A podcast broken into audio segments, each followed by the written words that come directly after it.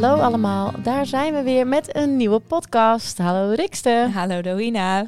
Hallo, en wij hebben weer twee nieuwe gasten uitgenodigd van Census Babywerk en Visje in het Water. Hallo Marten en Karin. Hallo. Welkom. Hallo.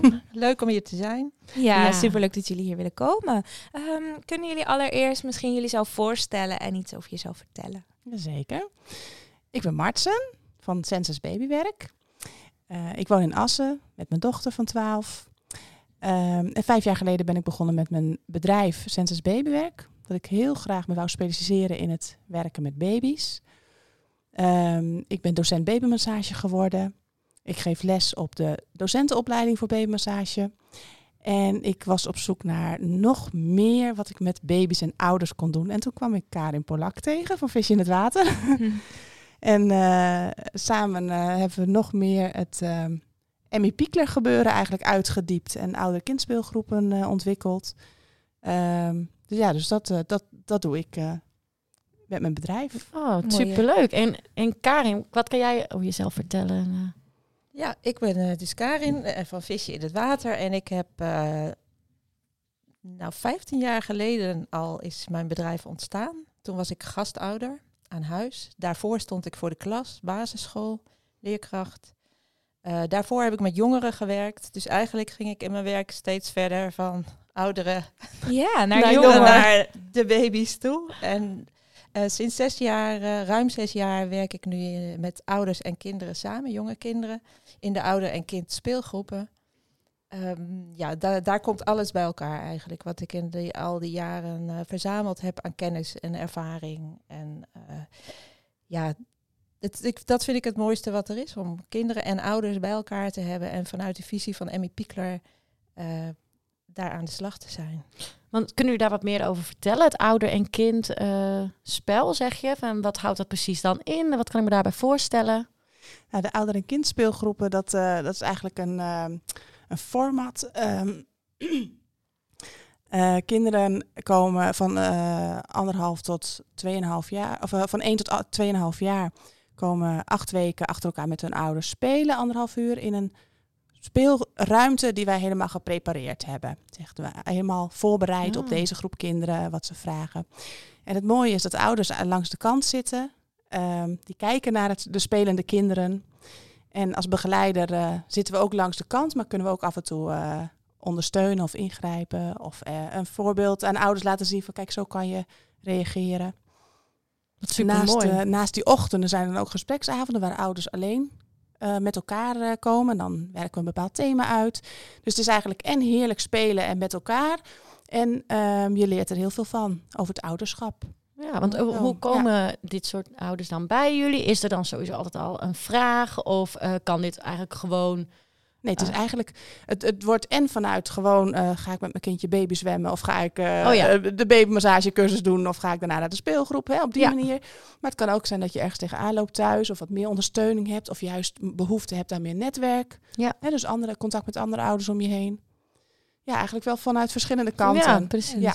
En onze ervaring is wel dat als ze een ronde hebben meegedaan, dat ze dan weer een ronde meedoen Oh, totdat ja. het kind echt te oud is. Ja. Eh, dus dan, eh, ja, heel Dan los moeten laten. En dan Eh. de speelgroepen los moeten laten. Ja. Maar dan vaak wel een heel mooi netwerk om zich heen hebben van andere ouders. Mooi. En Martse, jij bent eh, ehm, ook vaker bij Kidio. Kan je daar iets meer over vertellen? Ja, ik geef ook bij eh, de training aan pedagogisch medewerkers over de visie van Emmy Piekler en de visie van, van. Eh, dat doe ik ehm, ja, vanaf 2015 eigenlijk. Elke keer als er weer een groep nieuwe medewerkers is die eh, scholing mag hebben, dan, eh, dan mag ik weer eh, een training geven. Ja, want je hebt, ehm, het, het is al een paar keer voorbij gekomen, Emmy Pickler. Ehm, eh, bij Kidio werken we grotendeels volgens de visie. Ehm, kunnen jullie iets meer over, over haar vertellen? Wie, wie is Emmy Pickler en, en wat houdt deze visie in? Jawel. Uh, nou, Emmy Piekler was een Hongaarse kinderarts die eh, in Wenen gestudeerd heeft en vervolgens na de Tweede Wereldoorlog een weeshuis overgenomen heeft in Budapest, in Hongarije.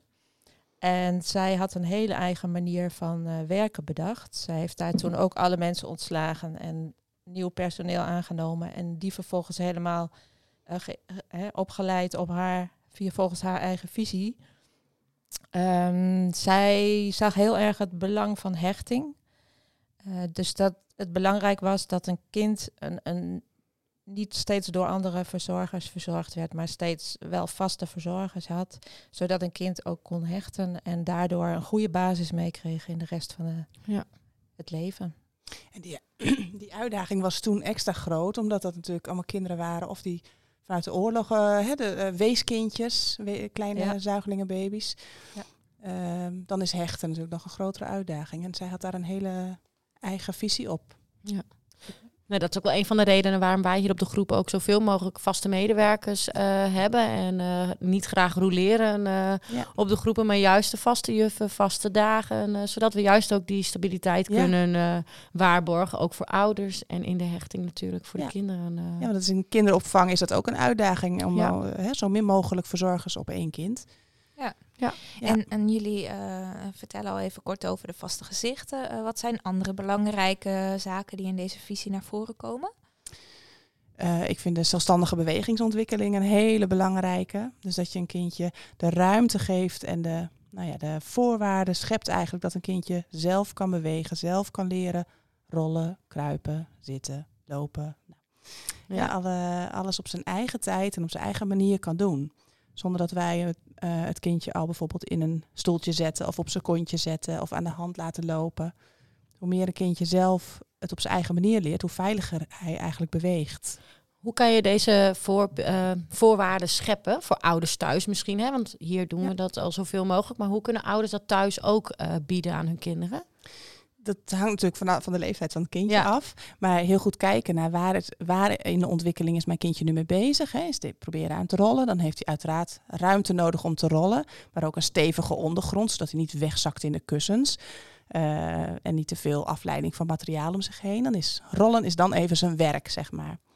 Ehm, maar als het kindje toe is aan kruipen of leren lopen, dan zijn juist eh, grote kruipkisten heel fijn. Ja. Of dingen om overheen te kunnen kruipen of bij lopen nou, langs de bank kunnen lopen of langs spijlen van het ene salontafel. Hè, dat stuit Oh ja. vaak om de salontafel heen.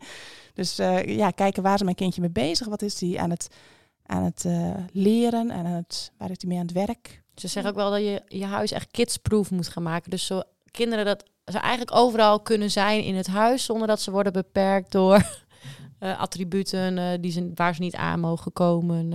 Nou ja, dat hoeft niet per se natuurlijk, want je kunt ook een veilige speelplek eh, aan je kind bieden, de- bijvoorbeeld door middel van een grondbox. Oh ja. Dat eh, kinderen dus niet door hele ruimte doorgaan juist. Want kinderen willen alles ontdekken. En het nare van alles willen ontdekken is dat je er ook steeds achteraan moet lopen en steeds nee moet zeggen. Waarmee je een kind eigenlijk stoort in die ontdekkingstocht. Dus Ja. in zijn spel en zijn onderzoek.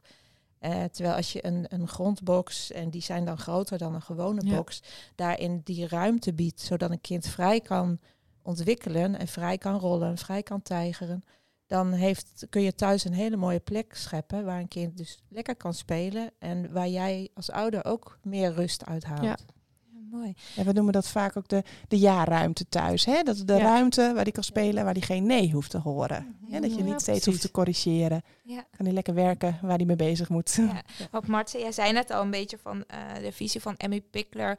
eh, hoe, hoe, Pickler, sorry, hoe je bepaalde dingen naar bepaalde dingen kijkt, hangt ook heel erg af van de leeftijd waarin het kindje zich bevindt.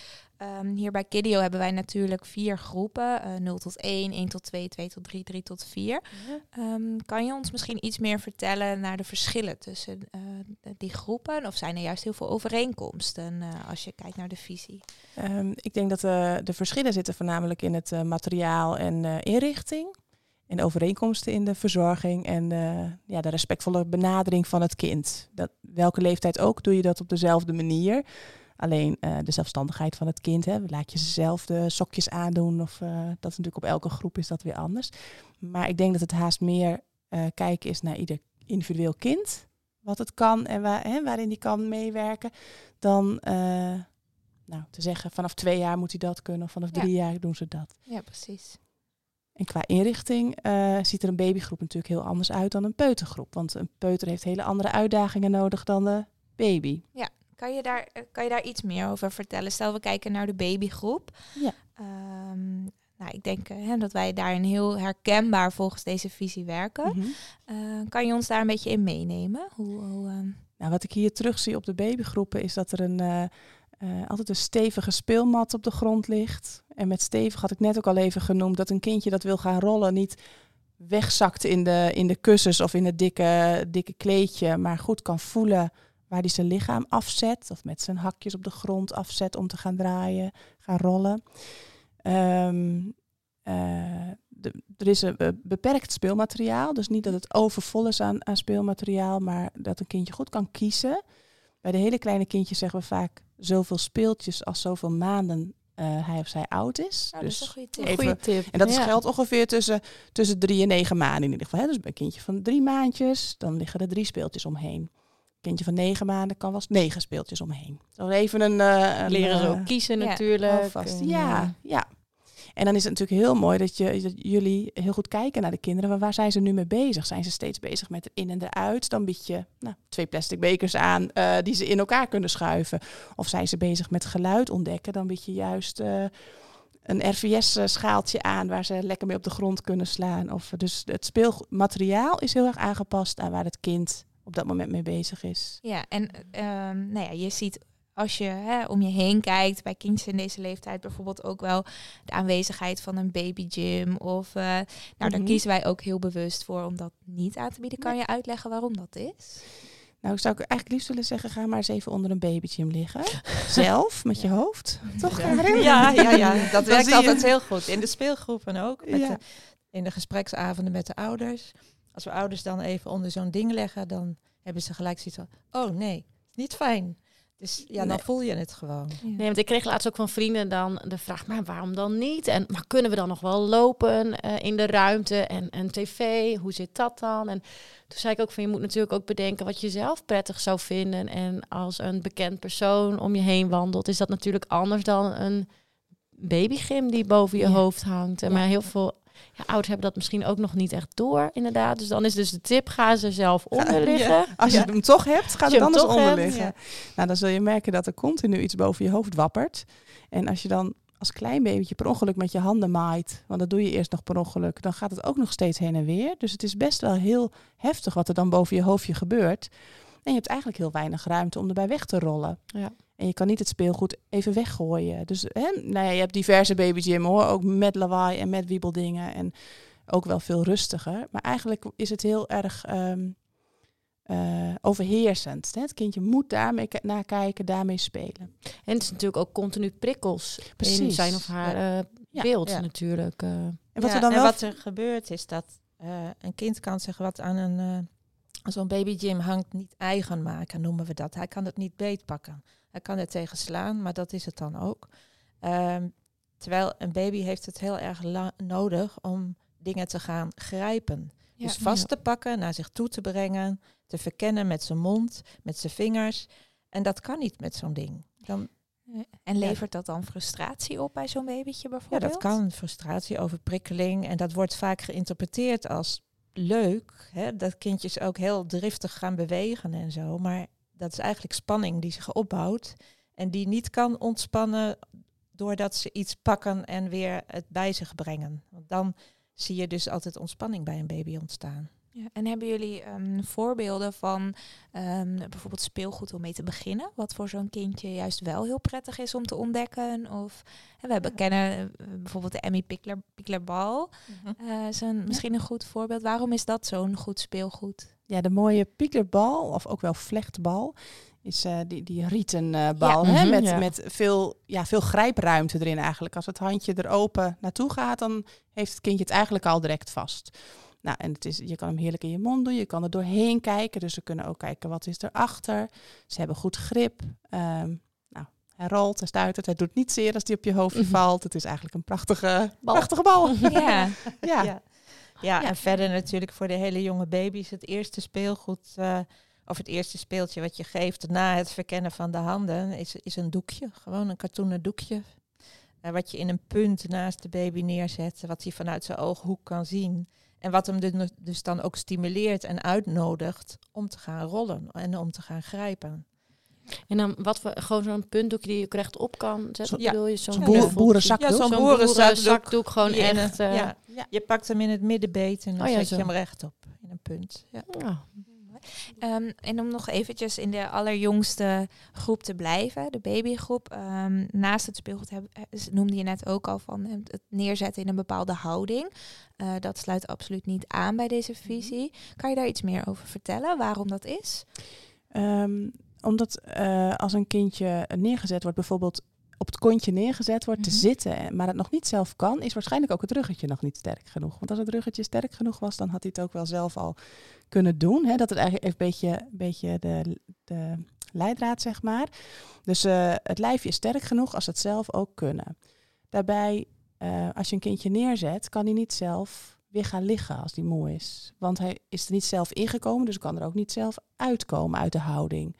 En we hebben wel eens de neiging om een kindje, omdat ze het zo leuk vinden om rechtop te zitten, neer te zetten, kussens eromheen. Hè? Ook al Ja. rolt hij dan om, maar dan zit hij wel stevig en hij vindt het zo leuk om rechtop Ja. te zitten. Maar eigenlijk ontneem je kind alle kansen om zelf te gaan zitten, zelf weer te gaan liggen of te rollen of er naartoe te werken. En zelf ook dat succesmomenten Het- ervaren van juist. yes, ik kan het zelf. Ja. Eh, wat wij Ja. ook hier erg eh, motiveren hier en stimuleren om het juist zelf Ja, te proberen. Maar hoe kun je kinderen dan stimuleren om om te rollen en te gaan zitten? eh? Eigenlijk is dat voorwaarden scheppen. Dus inderdaad, een goed, goed kleed, dat het kindje tevreden is, goed gevuld met eten en drinken en liefde en, en tevredenheid.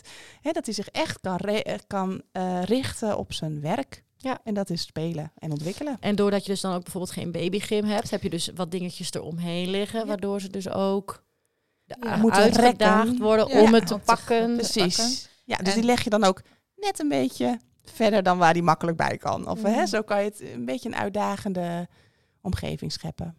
Ja. En, en zijn er daarnaast nog dingen, bijvoorbeeld in de verzorging, eh, het praten tegen, eh, eh, tegen Ja, de babytje? Ja, het communiceren met eh, baby's is natuurlijk enorm belangrijk eh, binnen deze visie.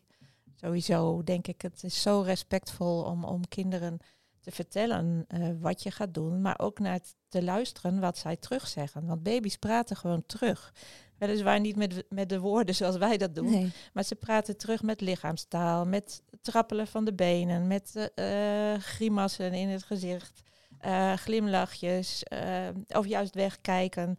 Ze vertellen zo ontzettend veel. En eh, door dat ook te gaan benoemen, leert een kind ook eh, dat, dat je dus met elkaar een gesprek kan hebben. Ja. Dus de dialoog tussen de ouder of de verzorger en, en, en een baby is enorm belangrijk. Ja. Ik, ik vind het voorbeeld in jouw training ook zo mooi, Matsen, dat je zegt van hoe zou je het vinden dat eh, als jouw neus wordt gesnoten, dat ineens iemand een zakdoek in je gezicht drukt zonder het Ja. aan te geven. Meteen in je neus gaat knijpen en eronder gaat wrijven. En, eh, Ja. ja, Ja, vind Ja. ik een heel mooi voorbeeld om uit te leggen inderdaad van, nou je mag een kind wel voorbereiden voordat je iets gaat doen, in plaats van het allemaal maar gewoon op te Ja. pakken en te doen. Wat Want weer we- een beetje terugkomt ook, is wat we net zeiden over de babygym. Ga zelf maar eens onder die babygym liggen. En hè, hoe zou jij het vinden als Ja. hè, Ja. eh, Ja. dit ja. in je gezicht wordt Ja. geduwd? Dat doen we in de training dan. gespreksavonden Ja. met de ouders doen we dat ook vaak. Hè? Dan laten we elkaar zijn neus vegen. En laatst liet ik ook mensen elkaar aankleden. En dan voel je dus hoe gek dat is als je aangekleed wordt. Dus Oh, goed dan gaan mensen ervaren van, oh, voor, voor mijn kind kan dat dus ook heel gek voelen. Ja. Geen wonder Ja. dat hij af en toe tegenstribbelt. Ja. Ja. Om daar rekening mee te gaan houden, dan, dan bereik je gewoon vaak veel meer met, met een kind in de samenwerking. Dan als je maar gaat dwingen en duwen en doet armpjes door mouwtjes duwen Ja. enzovoort. En hebben jullie daar ehm, eh, tips eh, voor? Hoe je bijvoorbeeld eh, daarmee om kan gaan? Is het echt letterlijk benoemen wat je gaat doen? Ehm, Nou, het, het allerbelangrijkste is contact maken. Dus ook al, al benoem je wat je gaat doen, je vertelt het wel tegen het kind. Dus Ja. kijk ook of het aankomt en of het naar je luistert. Heeft hij de aandacht ervoor? Dus aandacht voor elkaar. Eh, en tempo. Tempo is heel belangrijk. Het tempo van kinderen ligt heel laag. Dus wij kunnen wel heel snel broekje uit, luier uit, schone luier aan, hupsik even. Hè? Want we moeten weer door. ja. Maar het tempo van een kindje ligt heel laag. Ook als wat wij vertellen. Dus als ik zeg van, eh, ik ga nu je sokje uitdoen, dan duurt het even een tijdje voordat dat doordringt. En dan, ma- dan pas eh, voelt hij het ook, zeg Ja. maar. In plaats van als ik het zeg en tegelijk doe. Dus tempo en aandacht voor elkaar, dat zijn eigenlijk de allerbelangrijkste dingen in de communicatie. Ja, en tijdens ehm, de babyfase natuurlijk ben je heel veel op het aan het verschonen nog. Eh, maar ik merk op de peutergroepen doen ze al heel veel zelf. En ehm, waar kan je dan die eh, contactmomentjes juist weer even extra eh, pakken met de kinderen? Hebben jullie daar ook tips voor? Ja, eigenlijk is de, de verzorgingsmomenten noemen we dat. Hè? Dus je, je hebt zeg maar het spelmoment, dat is heel veel zelf doen. Dat ben je als verzorger voorwaarden scheppend. En de verzorgingsmomenten, dat, dat is echt het contact en de, de hechting opbouwen. ehm, en dat doe je met kleine babytjes, dus in de, in de verschoning. Als ze ouder worden, doen ze het steeds meer zelf. Maar ook daar heb je als verzorger een hele Ja. belangrijke rol bij.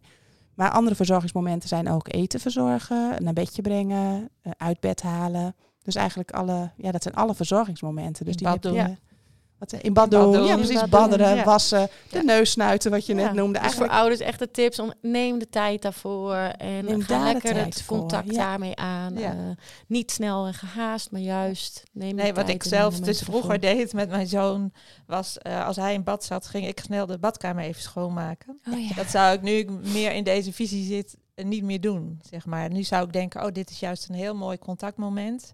Hè, dat ik even lekker met hem of mee in bad ga, of eh, in ieder geval hem was of aanraak en, en dat contact heb en met hem praat over wat hij aan het doen is daar. Terwijl, ehm, ja, dan, dan zijn zulke momenten natuurlijk heel mooi. Maar met mijn kleinzoon nu zie ik ook eh, dat hij het heel fijn vindt om bijvoorbeeld samen eh, boontjes in een pan te stoppen of Ja. zo. Dus hè, en bij het koken kun je hele mooie contactmomenten hebben. Dat je dingen samen doet, dat je daarover praat, wat je aan het doen bent. En ja, dus daar zijn heel veel mogelijkheden. Goeie tips. Echt ja. een bewuste contact zoeken met je kind. Ja. En ehm, eh, tijdens het spelmoment is, ehm, is dat dan ook hè, dat je samen met je kind speelt? Of is het, hè, want jullie zeiden net ook al van de ouders die staan langs de zijlijn, hè, die kijken toe hoe de kinderen spelen. En hoe, Ja. hoe, eh, kan je, maar ook wel in het moment van spelen samen dat contact heel erg bewust zoeken? Ja, dat kan wel. Alleen eh, het punt is dat wij als volwassenen vaak een heel erg eigen idee hebben over hoe spelen eruit ziet. En wat kinderen dan horen te doen. En eh, als we daar dus te veel in mengen, kunnen we het kind wel heel makkelijk van zijn eigen spoor afbrengen. En dat is jammer, want kinderen hebben vaak enorm veel ideeën en fantasie. En dat is ook de reden waarom wij de ouders in de speelgroepen dus laten observeren aan de kant. Zo van, kijk nou eens even, als jij dus niets doet, wat gaat je kind dan doen? En dat is heel boeiend om te zien, want dan komen er zoveel andere dingen voorbij dan ouders vaak verwachten.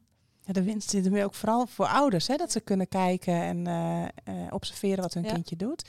En ze zijn, doordat ze rustig aan de kant zitten, zijn ze eigenlijk de veilige haven voor het kindje. Hè. Het kind kan steeds weer even terug om te tanken bij moeder of bij Ja. vader en, eh, en dan weer verder spelen. Dus je, je bent eigenlijk, je aanwezigheid is, eh, is heel belangrijk als ouder of als verzorger.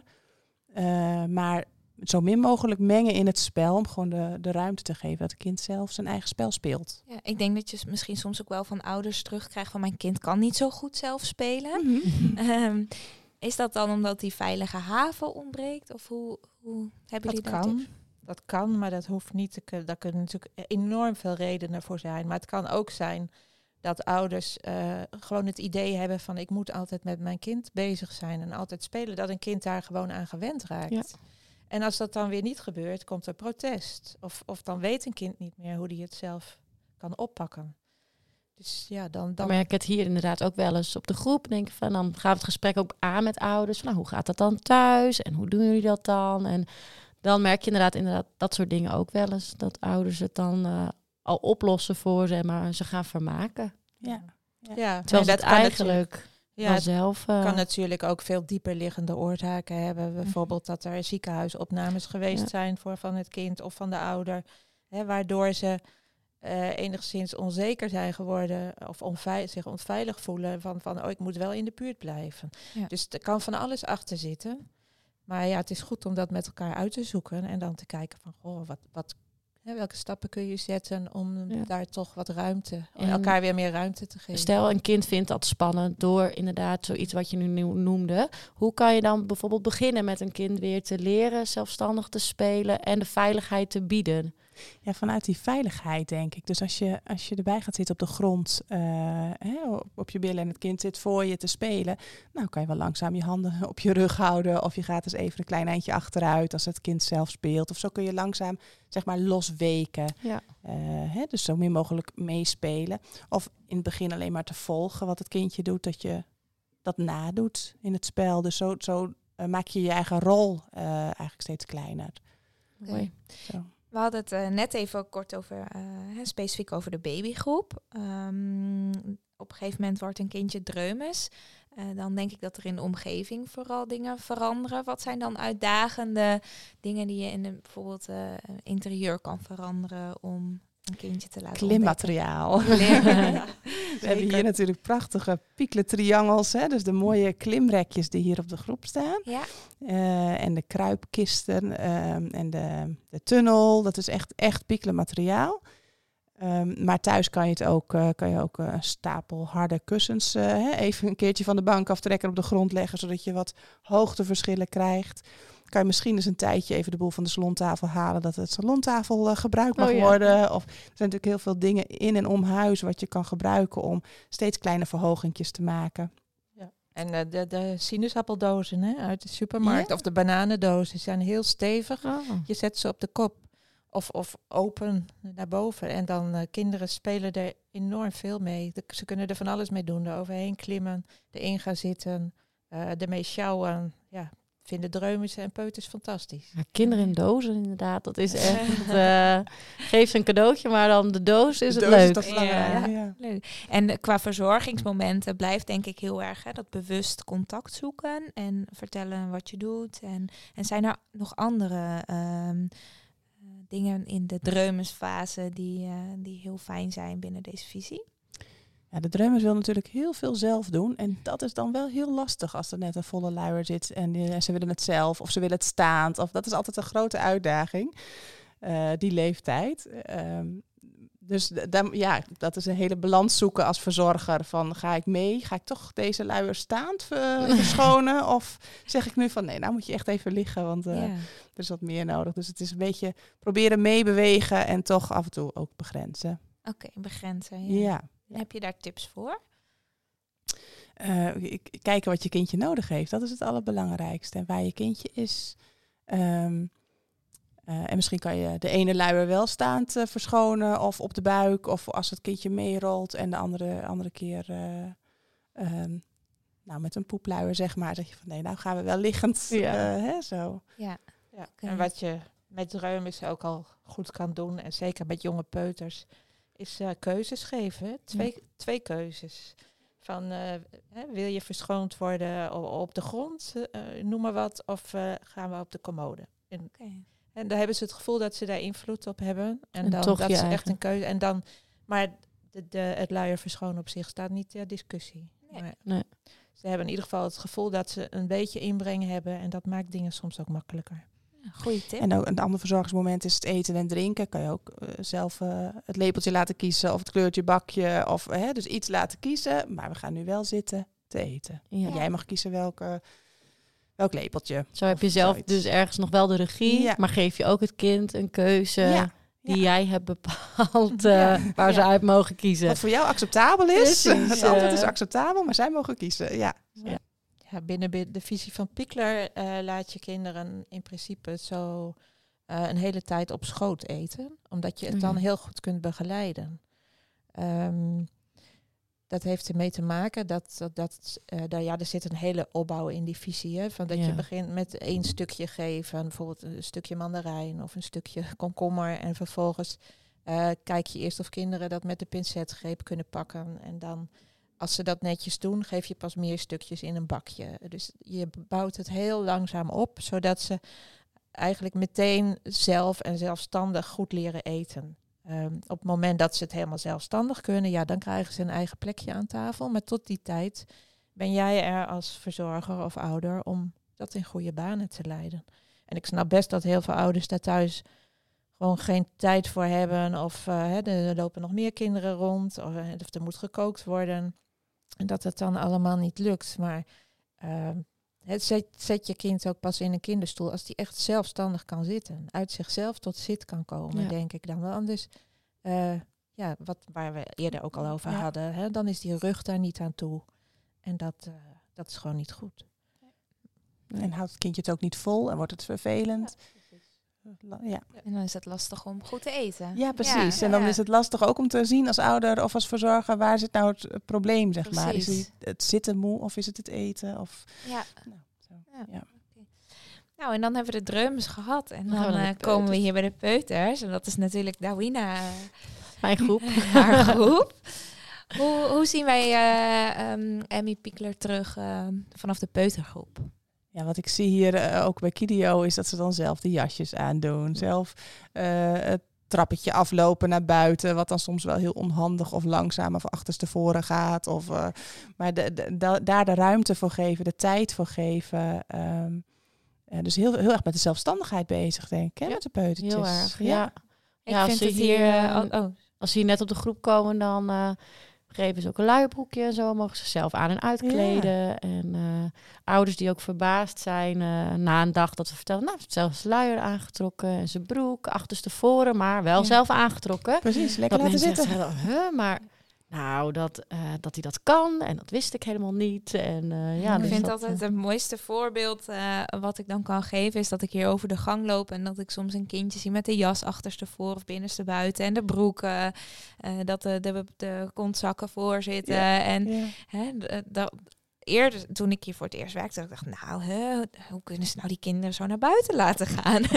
en als je je dan verdiept in, in, in het hoe en waarom, hè, dat die kinderen zo trots zijn dat ze Ja. zelf hun broek hebben aangetrokken, dat is zo mooi. Ja, daardoor ook steeds weer willen oefenen. Ja. En dan vanzelf Ja. komt hij wel een en, keer en recht dat om de billen. zelfvertrouwen, dat je echt die, die, die twinkeling in de ogen ziet, dat Mooi. is heel, eh, heel mooi om te Ja. zien. Ja. En wij passen het ook eigenlijk alleen aan wanneer we merken dat het belemmerend is voor een kind. En dan proberen we het ook nog alsnog positief te brengen. Van hé, hey, ik zie dat je last hebt van je broek. Zullen we misschien even omdraaien? Misschien Ja. is het toch fijner voor jou om te spelen. Ja.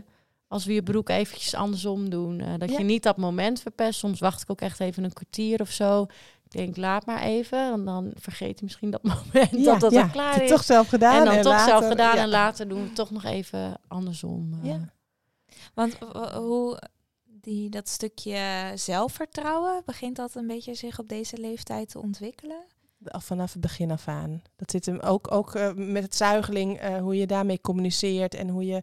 eh, je kan een zuigeling op de commode vragen om de beentjes omhoog te doen bij het verschonen. En dan kan het al met de spiertjes. Nou, voel je al dat hij meebeweegt. Doet niet zijn benen omhoog, maar daarin zit al de zelfstandigheid. Als je het maar bewust maakt van. "Hé, we doen nu even dit, of ik ga nu je voetje pakken. Of, ehm, nou, dus eigenlijk, eigenlijk van heel klein af aan begint al het zelfvertrouwen eh, als je de, de zelfstandigheid stimuleert. Ja. En, en ho- hoe zie jij dat, Douina? Zie je als kindjes ehm, eh, voelen van ik heb het goed gedaan of ik heb het zelf gedaan? Nou, we Wat doen doet dat met een kind? Een high five en dan zijn ze hartstikke blij. En eh, soms gaan ze ook even bij alle juffen langs. Allemaal Dus, eh, verzamelen. Ja, even laten zien. eh, en soms zeg ik het ook echt wel hardop als ik weet dat een kindje er heel veel moeite voor heeft gedaan. We hebben een, laatst hadden we een kindje die niet graag op zijn billen zit omdat het koud is. Eh, dus hebben we met hem geoefend om het staand dan te doen. Ja. Maar dan eh, wel ook alles zelf laten doen. En als hij het niet kan, ja, dan kan hij het dus niet. Dus dan gaan we kijken hoe we het anders kunnen doen met hem. Maar op een gegeven moment kon hij het dus dan eindelijk staand. En is hij echt alle leidsters even bij langs gegaan. Zo van, eh, ik heb het zelf gedaan, Ja, juf. En een zelf eh, mijn eh, luier aangetrokken. Dus ja, ze stralen gewoon heel Ja. erg als ze het zelf kunnen. En ook Ja. naar ouders toe, dat we dan aan het eind van de dag het kind bij de overdracht betrekken. Zo van, nou, Pietje heeft vandaag zelf zijn broek aangedaan. Hè? En dat ze dan zelf ook even trots vertellen aan ouders dat ze het dus zelf hebben gedaan. Kun je nagaan, dan wil je het volgende keer nog een keer zelf proberen. Of het volgende, dan durf je te proberen. Hè? Ja. dat is zo Ja. mooi eh, wat je dan stimuleert. Ja. Heel mooi. Heel mooi. Ja, hier bij de peuters zijn we dus heel erg bezig met die zelfstandigheid. Nu krijgen we van ouders wel eens terug eh, dat ze dat thuis best wel lastig vinden. Want dan moeten ze snel, snel. Eh, hebben jullie misschien nog tips hoe ouders dat zouden kunnen aanpakken thuis met de zelfstandigheid van kinderen? Ja, soms hoor ik inderdaad terug van, oh, het duurt zo lang als je moet wachten tot je kindje zelf de sokjes aan heeft of het broekje. Of, eh, en ik kan me heel goed voorstellen dat je als ouder, maar ook als medewerker in de opvang, niet eh, de tijd hebt om iedere keer heel erg lang erop te wachten tot het kindje het zelf heeft gedaan. Ehm, maar ik zou dan de, de tip geven, kijk wanneer het wel kan. En er zijn altijd momenten op de dag waarop je wel eh, extra de tijd kan nemen voor de verzorging. Bijvoorbeeld even een half uurtje extra nemen voor het naar bed brengen. Of ehm, misschien lukt het ochtends met minder goed en maar s'avonds wel. Ehm, of overdag misschien momenten waarop je er iets meer tijd ervoor kan nemen. En uh, als je ziet dat, uh, dat uh, tijd nemen voor de verzorging en, het, en de zelfstandigheid, als dat ook wat oplevert, een heel trots kind of ja. um, het zelfvertrouwen of een plezierig moment met z'n beiden, dan is het ook de moeite waard om daar de tijd voor te nemen. Ja, precies. Nou, goede tip. Ja. Mooi. Hebben jullie nog meer tips die, die misschien voor ouders thuis prettig zijn, die ze uit deze visie kunnen halen? Um, nou ja, we hebben het al even over die grondbox gehad. En daar hoor ik ouders ook vaak over zeggen van, oh, maar daar heb ik helemaal geen ruimte voor thuis. Veel te klein bij mij. Maar je hoeft zo'n grondbox natuurlijk nooit, niet altijd in zijn geheel op te zetten. Je kunt hem ook als een hekje gebruiken om een deel van de ruimte uh, af te sluiten. Hè, waar een kind bijvoorbeeld niet mag komen, bij de kachel, ik noem maar wat. Of uh, hè, een plek waar veel snoeren liggen. Of je kan de kamer delen met een hekje. Door, he, in het ene stuk kan het kind wel spelen en de andere kan niet, omdat het niet veilig is. Uh, je kan er een hekje tussenuit halen en hem iets kleiner maken. Er zijn gewoon heel veel opties. Uh, er zijn ook mogelijkheden om hem aan de muur vast te maken, waardoor je sowieso waardoor, waardoor al minder ruimte inneemt. Ja, en wat het handige van een grondbox vind ik persoonlijk dus dat je een veilige jaarruimte hebt. Dus je kind kan verdiept in zijn spel spelen. En jij kunt als ouder ook je eigen dingen doen. Um, en verder is het ook heel handig met twee kinderen, want dan kan de oudste soms ook zijn bouwwerkjes daarin maken. En dan kan de jongste gewoon even eruit. En dan heb je, dan heb je ze ook niet altijd bij elkaar. En dat scheelt soms ook een heleboel uh, gedoe. Oh, ja, de, de, box, de box is dus niet altijd voor het kleinste, het kleinste nee, kindje, maar het kan ook voor uh, juist de oudste erin ja. of juist de muziekapparatuur af, afschermen. Ja. Want een gewone box is dan te klein. Ja, een gewone box is te klein vanaf het moment dat een kind echt gaat omrollen en tijgeren. Want dan zitten ze steeds in die spijlen vast. Ja. En je ziet bovendien dat in een gewone box gaan kinderen, omdat ze zich niet meer kunnen bewe bewegen, gaan ze zich optrekken aan die spijlen. En dan is iedereen heel trots van, oh kijk eens, hij kan al staan. Maar eigenlijk is een kind daar dan nog niet aan toe. Hij is eigenlijk pas bezig om uh, de balans in zijn lichaam te vinden in het omrollen, in het tijgeren, in het uh, kruipen. En dat zijn hele belangrijke stappen uh, die eerst moeten gebeuren voordat een kind gaat lopen. Ja, precies. Mooi. En um, nou ja, als je geen grondbox hebt en je hebt wel een, en ook geen gewone box, dan worden kindjes ook nog wel eens in zo'n soort wipstoeltje gezet. Ja. ja. dat wordt vaak gebruikt om even de handen vrij te hebben. Ja, precies. Hè? nou, dan, dan is zo'n grondbox dus een heel goed alternatief. Want uh, het wipstoeltje beperkt heel erg de uh, bewegingsruimte van het kindje. Het kan, het kan dan niet meer rollen of, of zich bewegen of te gaan zitten of waar die dan ook maar aan toe is.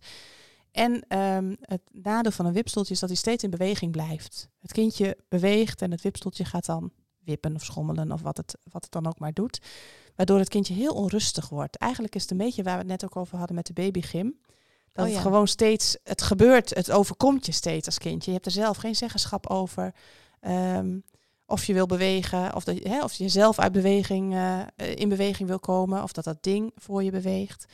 Dus uh, in de Emmy Piekler visie zijn uh, wipstoeltjes Nee, horen er niet horen bij. Er niet bij. Nee, bij. beslist niet. nee. nee, het, uh, het belemmert gewoon de vrij, Eigenlijk alles wat de vrijheid beperkt, ja. ja. Vrije beweging. Dus daarin vallen ook loopstoeltjes of... Uh, uh, of niet heet, hoe heet die zitstoeltjes? Uh, bubba, bubboe of zo? Oh ja, van die, uh, ja, bubba. Oh, van die... Um, ja dingen waar je ze ook echt in kunt zetten. Waar ze ook zeg maar. stevig in zitten. Stevig ja. in zitten. Ja.